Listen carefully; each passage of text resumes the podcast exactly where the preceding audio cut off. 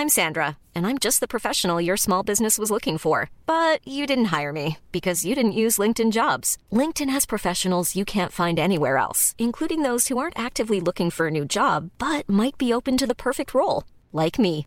In a given month, over 70% of LinkedIn users don't visit other leading job sites. So if you're not looking on LinkedIn, you'll miss out on great candidates like Sandra. Start hiring professionals like a professional. Post your free job on linkedin.com/people today.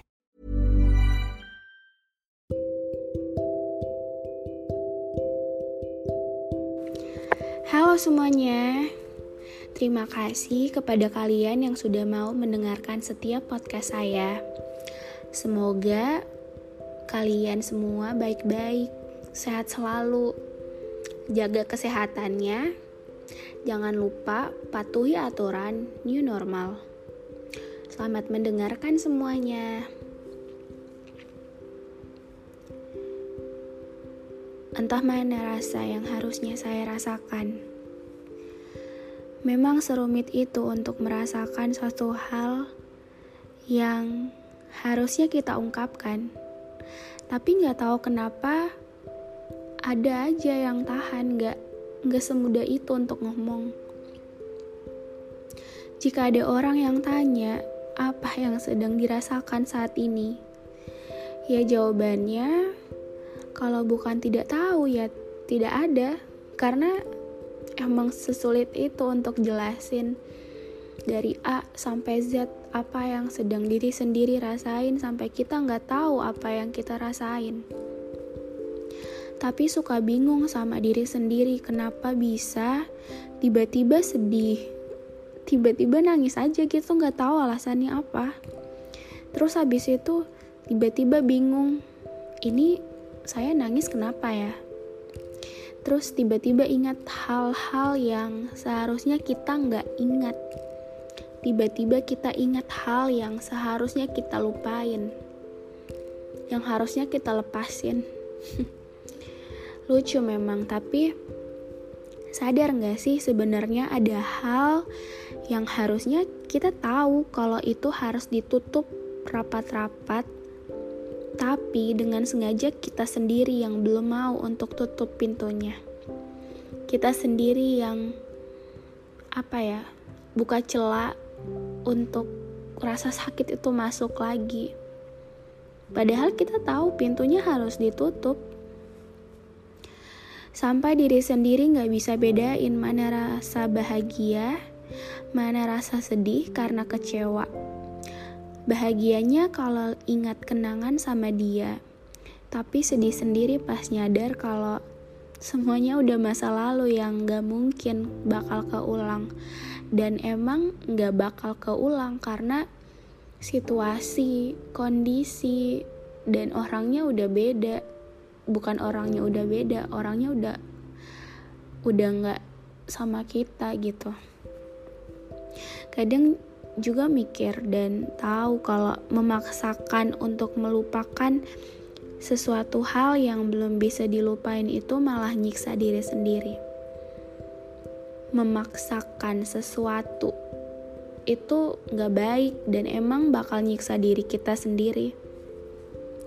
Di sisi lain kita sadar betul bahwa hal itu harus dilupain. Tapi di sisi lain juga masih bingung Emang seburuk itu ya harus dilupain. Tapi kalau diingat-ingat juga nggak baik untuk diri sendiri kan ya. Membuka lembaran baru emang nggak semudah seperti buka buku catatan baru yang kita beli. Kadang mikir, ini kertas putih bakal digambar apa ya? Kertas putihnya bakal digambar gimana ya? Kertasnya bakal keisi sama cerita apa aja ya nanti. Walaupun kadang saking takutnya buka lembaran baru, saya malah ambil keputusan untuk tutup bukunya rapat-rapat dan gak mau diisi oleh siapa pun. Dan pada akhirnya buka lagi luka di lembaran yang lama, yang seharusnya udah saya tutup. Atau mungkin seharusnya udah saya buang biar nggak bisa dibuka lembaran lamanya. Saya paham betul kalau mengikhlaskanmu adalah sebuah kewajiban. Tapi kamu juga harus paham kalau membiasakan diri tanpa kamu itu sesulit sesulit itu memang dan butuh waktu. Luka fisik aja butuh waktu untuk sembuh. Lama pula. Apalagi luka yang non fisik. Maaf masih mengharapkan rutinitasmu pada saya untuk sekedar menanyakan bagaimana kabar saya hari ini. Saya ingat betul betapa bahagianya saya apa ya menanti sebuah teks yang belum pasti mungkin tapi saya masih bisa merasakan bagaimana bahagianya saya hari itu dengan sekedar kamu bertanya How's your day? Bagaimana harimu hari ini? Sayangnya itu masa lalu yang memang harus ditutup rapat-rapat. Saya ingat betul bagaimana takutnya saya saat pertama kali kamu menyapa saya.